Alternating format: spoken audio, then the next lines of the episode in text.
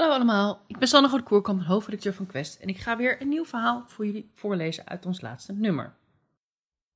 Bang voor de bom. In de jaren 50 en 60 bedachten Amsterdamse ambtenaren hoe de hoofdstad binnen 24 uur kon worden ontruimd als er oorlog dreigde. Quest vond de plannen terug. Deel 1 van het tweeluik. De tekst is geschreven door redacteur Mark Tra. Heinz Siedenburg had misschien wel de meest bizarre baan van Amsterdam. Elke dag reisde hij vanuit zijn woonplaats Amstelveen naar zijn kantoor aan de Weesperzijde in het centrum. Hij reed door buurten die hij op zijn werk op grote kaarten had gemarkeerd. Er waren wijken die bij een volgende oorlog naar zijn inschatting in rokende ruïnes zouden veranderen. In andere zouden duizenden dakloze gezinnen worden ondergebracht. En er waren uitvalswegen van de stad die vluchtroutes zouden worden van honderdduizenden doodsbange Amsterdammers. Het was eind jaren 50 en voormalig kunsthandelaar Siedeburg was hoofd van het bureau verplaatsing bevolking van de gemeente Amsterdam. Zijn taak? Zoek uit hoe de stad binnen 24 uur kan worden ontruimd als er een oorlog dreigt. Hulp had hij niet. Hij was hoofd van een bureau zonder medewerkers. Voor misschien wel de enige uitweg uit de Derde Wereldoorlog waren ruim 800.000 Amsterdammers afhankelijk van zijn vindingrijkheid. Niet dat die Amsterdammers daar weet van hadden, Siedeburg deed zijn werk in het diepste geheim. Die geheimhouding was nodig. De Sovjet-Unie mocht niets wijzer worden en de bevolking niet onnodig ongerust.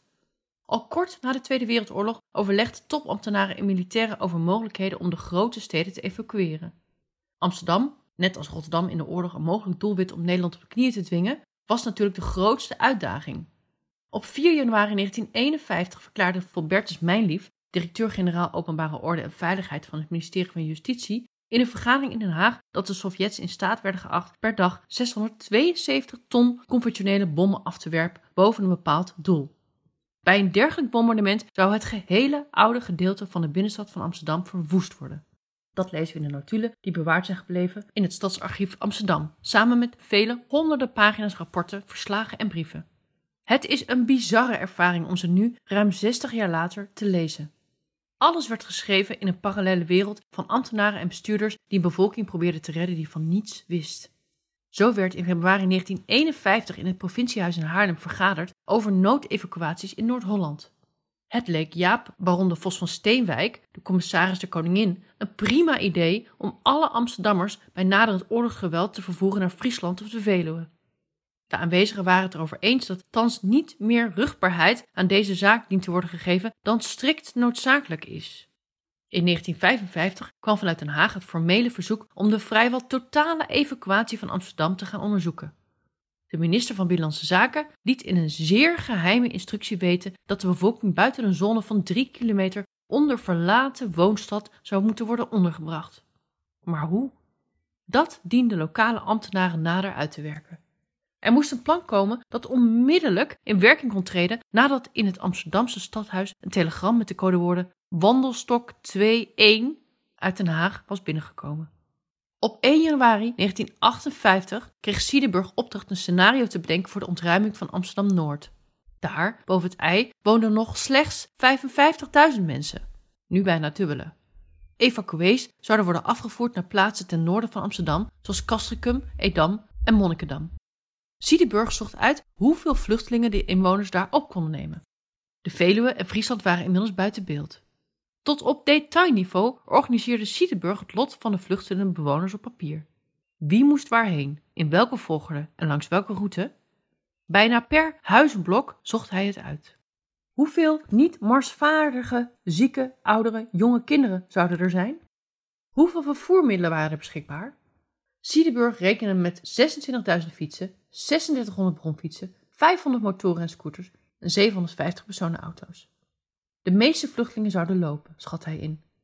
Als gevolg van bagage zullen talloze met de fiets aan de hand moeten marcheren, schreef hij in een tussentijds rapport.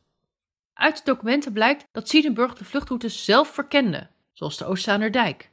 Wegbreedte 6,50 meter.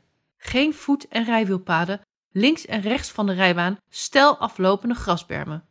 Route door bebouwde Komzaandam, omstreeks zelfde breedte, evenmin voet- of rijwielpaden, bochtig en onoverzichtelijk.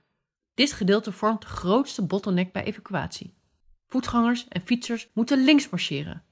Watervervoer moest ook worden ingezet.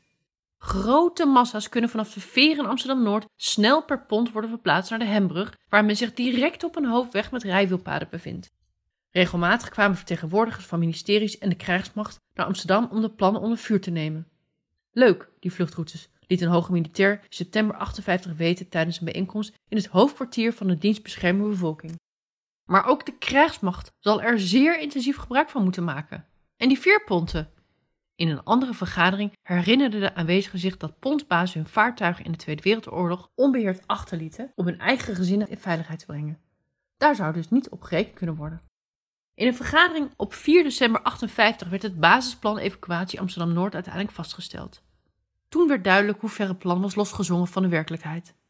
De door de militaire leiding ingeschatte aanleiding voor de ontruiming van het stadsdeel, zo blijkt uit het plan, was geen gewoon conventioneel bombardement, maar de explosie van een atoombom van 20 kiloton. Ter vergelijking, die van Hiroshima was 15 kiloton. De ontploffing zou plaatsvinden op een hoogte van 600 meter boven de stad. De legerleiding hield zoetjes aan meer rekening met atoombommen. Een atoomexplosie zou een sterke radioactieve neerslag geven. Fallout heet dat. Niemand wist tevoren welk omliggend gebied hierdoor te gevaarlijk zou worden om doorheen te trekken of een mensen te huisvesten. Dat maakte nogal uit als je een stad veilig zou willen evacueren. Maar Siedenburg had opdracht gekregen met Fallout geen rekening te houden. Het ging nu puur om de vraag of Amsterdam-Noord binnen de Edmelfield te ontruimen. Dat bleek te kunnen, op papier tenminste. Bevredigend vond Siedenburg zijn opdracht niet, kunnen we afleiden uit een brief van hem aan de burgemeester van Amsterdam in deze periode. Zijn bureau, zo mopperde hij, was hoofdzakelijk belast met de uitwerking van zeer abstracte en geheime studies ten behoeve van hogere autoriteiten. Maar kennelijk had Siedenburg zijn werk toch goed gedaan. In mei 59 kreeg hij een nieuwe opdracht. Of hij ook de evacuatie van de rest van Amsterdam wilde organiseren. De rest van Amsterdam, dat ging om meer dan 800.000 mensen. Binnen 24 uur zouden die oorlijk de stad moeten verlaten.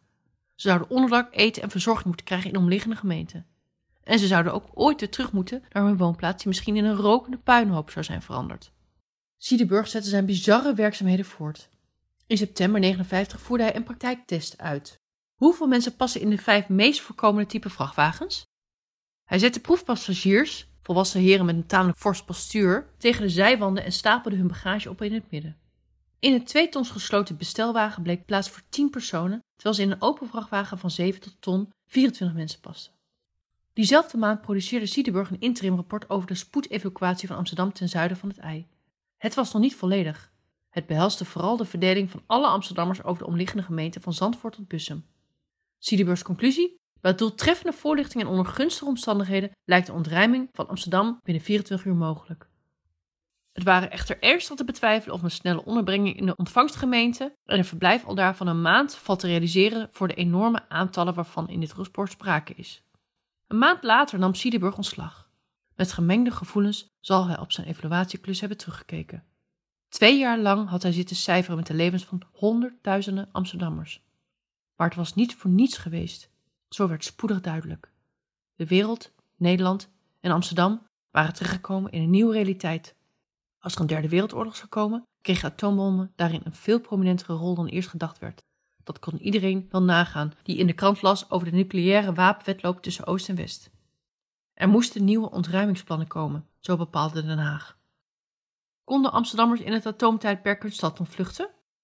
In het volgende nummer lees je het vervolg.